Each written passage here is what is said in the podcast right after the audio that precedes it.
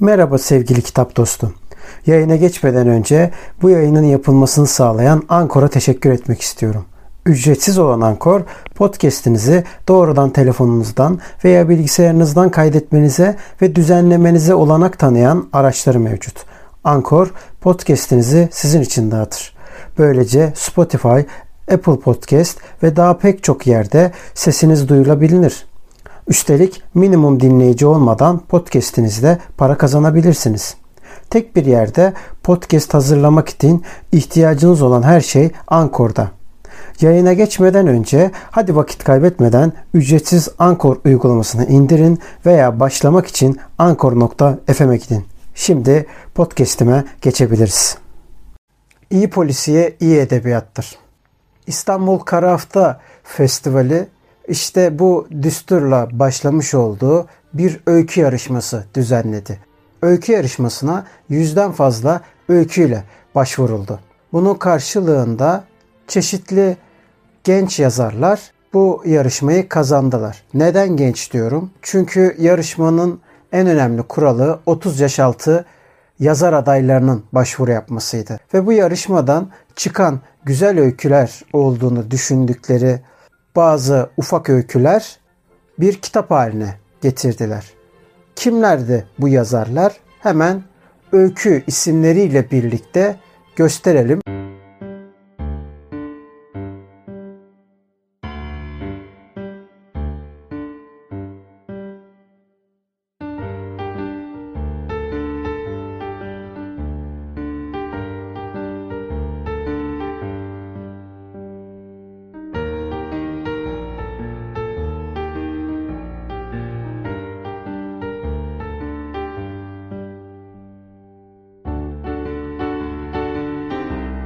Ama bundan önce kitabın ismini gösterelim. Kitabımız bu. Polisiye İstanbul isimli kitap. Ahmet Ümit'in ön sözüyle yazılmış olan bu kitap bakalım kimler tarafından basılmayı hak kazanmış. Bir Bardak Sıcak Çay isimli öyküsüyle Alp Türkol, Duran Emre Kanacı'nın Gammaz isimli öyküsü, Melisa Tekeli'nin Gassal'ın elindeki Meyit isimli öyküsü, İstanbul'un Vicdanı isimli öyküyle Süleyman Gökmen, Bir Garip Kemer Vakası ile Muhammed Özyolcu, Delilik isimli öyküsüyle Aras Gençtürk, Bir İstanbul Efsanesi isimli öyküsüyle Buse Nur Koca Aslan, İt, Müstemleke Ayazıdır. Münir Akman'ın hikayesi Birkaç Aylık Kira için isimli öyküyle Çağrı Karavin, Limonun çözebileceği düğümler ile Nehir Uçmak. 30 yaş altı yazarlar olduğunu az önce belirtmiştim. Bu neden önemli? Çünkü edebiyatın bundan sonraki nesillere nasıl aktarılacağına dair güzel umutlar içeriyor. Ben bu kitabın içindeki tüm öyküleri beğendim diyemem. Ancak bu kısa öykülerde derdini güzel anlatmış, tasvirleri tam yerinde bulmuş ve aslında okuduğum zaman bana daha çok zevk veren iki tane öykü mevcut. Bunlardan Gassal'ın elindeki meyitle Melisa Tekeli ve Nehir Uçmağ'ın Limonun çözebileceği düğümler isimli öyküsüydü. Yalnız bu öykülerde iki ayrı sıkıntı mevcut. Nedir bunlar? Mesela polisiyelerde neler olduğunu, nasıl yazmak gerektiğini tam detaylarıyla bu videoda anlatmayacağım ama bir polisiye için ne daha güzel olur. Örneğin tasvirlere çok ağırlık vermek ne derece doğrudur? Bunun için yukarı taraftaki bir linke koyuyorum. Bu linke bakarsanız göreceksiniz orada. İyi bir kitap nasıl olmalı, nasıl okunmalı? Aslında bu da onun paralelinde ama daha detaylı şekilde söylemem gerekiyor. Nedir bu detay? Bir polisiye kitap için en önemli olan şey aslında tasvire mi çok önem vereceğiz yoksa olay örgüsüne mi konusunda karar vermektir. Aslında her ikisi de olması lazım. Mesela Agatha Christie'nin kitaplarına baktığımız zaman kendine özgü bir özellik var. Nedir bu kendine özgülük? Az önceki belirttiğim iki özelliğin de kendi içerisinde her ikisini de tadımlık bırakması. Yani ne tasvirler çok ağırlıklı ne de olay örgüsü çok ağırlıklı. Her ikisi de önemli diyor. Böylelikle yazıyı okuyan kişi her kimse kafasında canlandırmayı çok rahatlıkla yapabiliyor. Bu yazının aslında kitabı açtığımız zamanki yaşadığımız duyguları daha yoğun ve hayal gücümüzde daha da canlı olmasına vesile oluyor. Bunu yapmazsak ne olur? Tabi bu da bir yöntem. Aslında bu yöntemleri de az önce isimlerini saymadığım kişiler yapmışlar. Ancak bu öykülerin kötü olduğu anlamına gelmiyor. Benim açımdan tam anlamıyla tatmin etmiyor demek daha doğru olur. Tüm bunların yanında yine iyi bir polisiyete önemli olan şey mesela birbirini taklit etmeden kendi özgünlüğünü yaratmaya çalışmak. Nedir bu özgünlük? Aslında kendi yazım tarzını mesela hep ustalardan bahsedelim ki daha iyi oturması açısından ben de kendimi onlar gibi olmak için uğraşan birisi olarak bunu söylüyorum. Bir Yaşar Kemal'den mesela bahsedelim. Kendine özgü bir yazı var. Eğer onun yazmış olduğu bir metinden alıntı yapmış olsanız hemen tahmin edebilirsiniz. Bu Yaşar Kemal'dir. Orhan Kemal'den bir alıntı yapsanız tahmin edilebilir. Bu Orhan Kemal'dir. Ya da şiirden gidelim. Ahmet Arif'ten bir alıntı yapsanız onun yaptığı şiirdeki kurgudan ki çünkü şiirde de kurgu vardır. Kurgudan hemen anlayabilirsiniz. O Ahmet Arif'tir. Dolayısıyla da bu aynı polisiyede de bu şekildedir. Bunlara özellikle Anadolu'daki yazarlardan örnek veriyorum ki daha iyi kafamızda canlansın diye. Ve tüm bunların yanında tabii ki bizim topraklarımızda yaşanmamış ya da yaşanma ihtimali olmayan bu ihtimalin çok düşük olduğu olayları, kişileri, tasvirleri kitapta yazmamak en doğrusu. Mesela Sırp bir katil tutuldu. Ya da Macar bir adam geldi ve onu öldürdü. Yani bunlar gerçekçi değil. Neden değil? Bunlar Amerikan vari filmlerin ya da İngilizvari filmlerin elbette onlar da güzel olabilir. Ben bunu söyleyeyim ama onlar Avrupa'da yaşadığı için, Avrupa'yı çok iyi bildiği için yazdıkları kitaplar. Ancak biz Anadolu'da 50'den fazla medeniyetin geçtiğini bildiğimiz Anadolu'da tutup da bu kadar medeniyeti bir kenara bırakıp Avrupa medeniyetini üzerinden bir şeyler yapmaya çalışmak çok abest geliyor bana. Dolayısıyla da benim yapmak istediğim, okumaktan hoşlandığım şeyler ve doğru olduğunu düşündüğüm şey kendi yaşadığımız topraklardan örnekler vermek. Ha, şu da bir ihtimal tabii ki. Yurt dışında yaşıyorsunuzdur, orayı çok iyi biliyorsunuzdur ama Anadolu kökenlisinizdir. E o zaman her ikisini de yazabilirsiniz. Hatta öyle bir öykü yazarsınız ki her ikisi birbirini besler. Birlikte yeni bir şey çıkartırsınız. Yeni bir efsane uydurursunuz. Yeni bir olay örgüsü yaratırsınız. Dolayısıyla da bunun üstünden çok güzel bir kitap kurgusu çıkabilir. Bunlarda hiçbir sıkıntı yok. Ancak Jessica'nın bizim Türkiye'de geçen hikayede ne işi var? Yani ille de niye bunu koyuyoruz?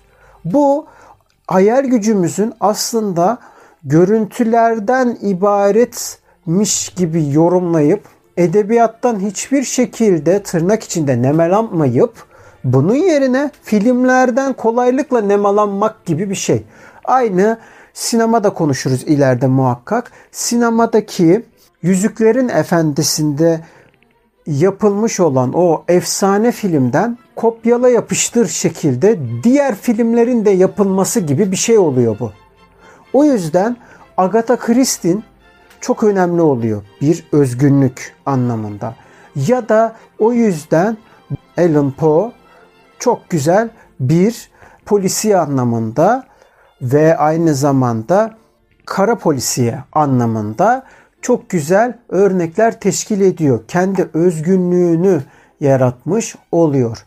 Bu sebeple polisiye seriler mesela bazı yayın evleri var. Bunlardan bir tanesi örnek vermek gerekirse diye söylüyorum. Oğlak yayınları mesela. Oğlak yayınlarında güzel polisiye serileri var. Ha muhakkak aradan böyle sevmediklerimiz de çıkıyor. Olur yani ya da her yazarın her kitabı güzel olacak diye bir şey yok. Bazıları çok güzeldir. Hatta bazen bir tanesi çok güzeldir, gerisi değildir. Bazen hepsi güzeldir ama bir tane aradan çıkar kötü olan. Dolayısıyla da bir yargıya varmak doğru değil. Ancak bunun yanında bu yöntemlere dönecek olursak eğer iyi bir polisiye kitabında neler bulunur sorusunun cevabı aslında az önceki söylediklerim oluyor. Her şeyi kıvamında bırakmak. Bunlarda da aynı şekilde.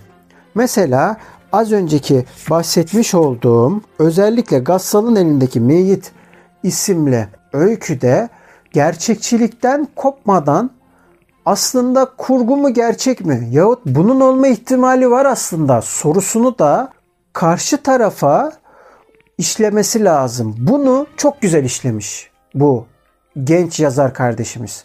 Dolayısıyla da onu tebrik etmek zaten çok güzel olur.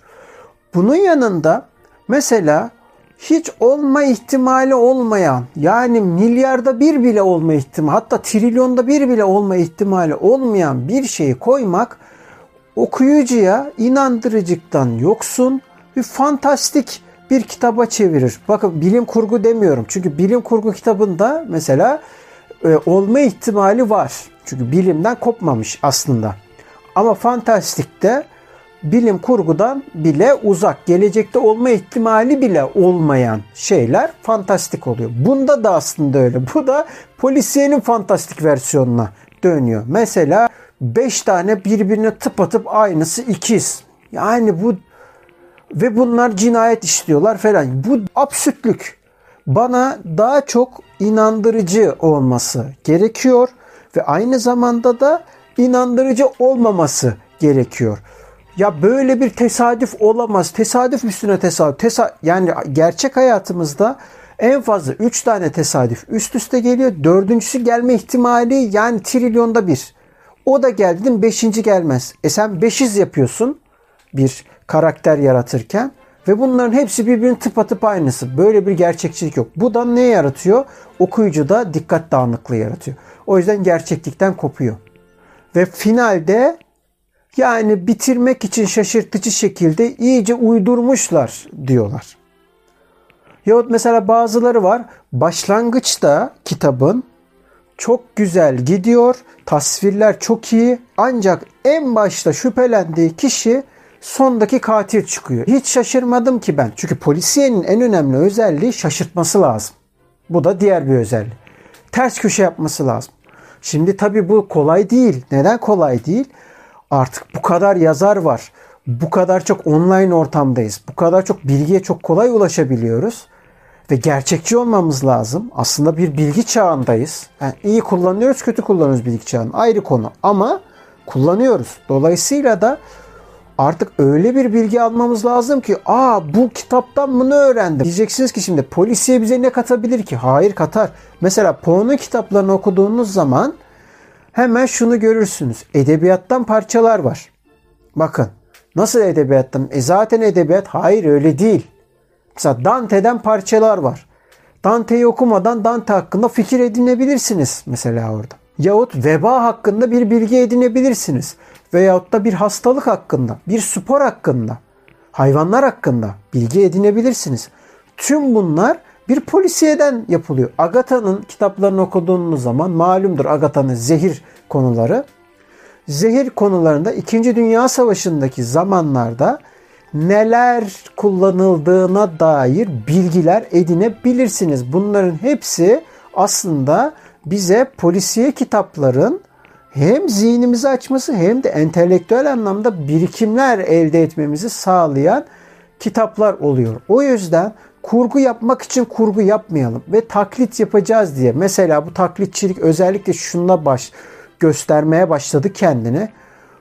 Ee, bir olay örgüsü var. Konu fark etmeksizin söylüyorum. Bir polisiye bir vaka var. Ve bu polisiye vakada kurguyu yazarken Eyvah gazeteciler öğrenmesin. Sonra da bakıyoruz a gazeteciler öğrenmiş. E öğrensin ne olacak? Yani bunu o kadar çok yaptılar ki kitapların içerisinde en sonunda gazetecilerin öğrenmesi dolayısıyla toplumun öğrenmesi herhangi bir şeyi değiştirmez oldu. Bir yavanlık getirdi öyküye. Yani bunu kullansan ne olur, kullanmasan ne olur? Yahut da ille de bir dedektif koyma mevzunun içerisine. Neden koyuyoruz dedektifleri? Mesela bu da bana birazcık şey geliyor. Tabi bir yöntemdir. Konulabilir. Ancak kaç yıllık polis teşkilatı varken bunu milliyetçilik anlamında söylemiyorum. Yani artık cinayet masasının inanılmaz boyutlarda ilerlediği ve gerçekten bir ekip olarak günde bazen 3 tane bazen 5 tane bir cinayeti bir olaylar silsilesini hatta bazen seri katilleri yakalayan bir oluşumdan hatta bu oluşum için var olan bir ekipten bahsediyoruz. Bu ekibin işte hiçbir şey yapmıyormuş gibi sürekli İngiliz vari ya da bir Amerikan vari ya da bir emekli polis edebiyatını yapmak artık bayağılaştı. Dolayısıyla da bizim mesela inandırıcılıktan kopmamak açısından yine polislerin kendi yaşadığı tecrübelerden mesela örnek alınabilir. Yani bir dedektif Türkiye'de var doğru ancak sayıları çok az ve ille de bir İngiliz vari hava esiyor. Yani bu yönüyle de o az önceki belirtmiş olduğum e, Slovakyalı bir ya da Slav bir keskin nişancı tutma, bir kiralık katili tutmadan farkı kalmıyor. O yüzden bir polis olabilir kurgu sırasında. Ve bu inandırıcılığı ve her zaman için kitabı okuyan kişinin ya bu gerçek mi acaba ya da değil mi? Ya olmaz canım öyle şey. Ama sonra durup da olabilir mi acaba sorusunu sordurmak kitaba daha çok tutuculuk ve daha çok bağlayıcılık sağlıyor. Çünkü bu kitaplar fantastik değil. Polisiye kitapları aslında gerçek cinayetlerin daha sonraki kurgulanması halinde başlayan tarihsel olarak bu şekilde devam eden ancak daha sonra kurgular üzerinden devam eden bir türden bahsediyoruz. O yüzden işte bu kitabın bize anımsattıkları bu şekilde.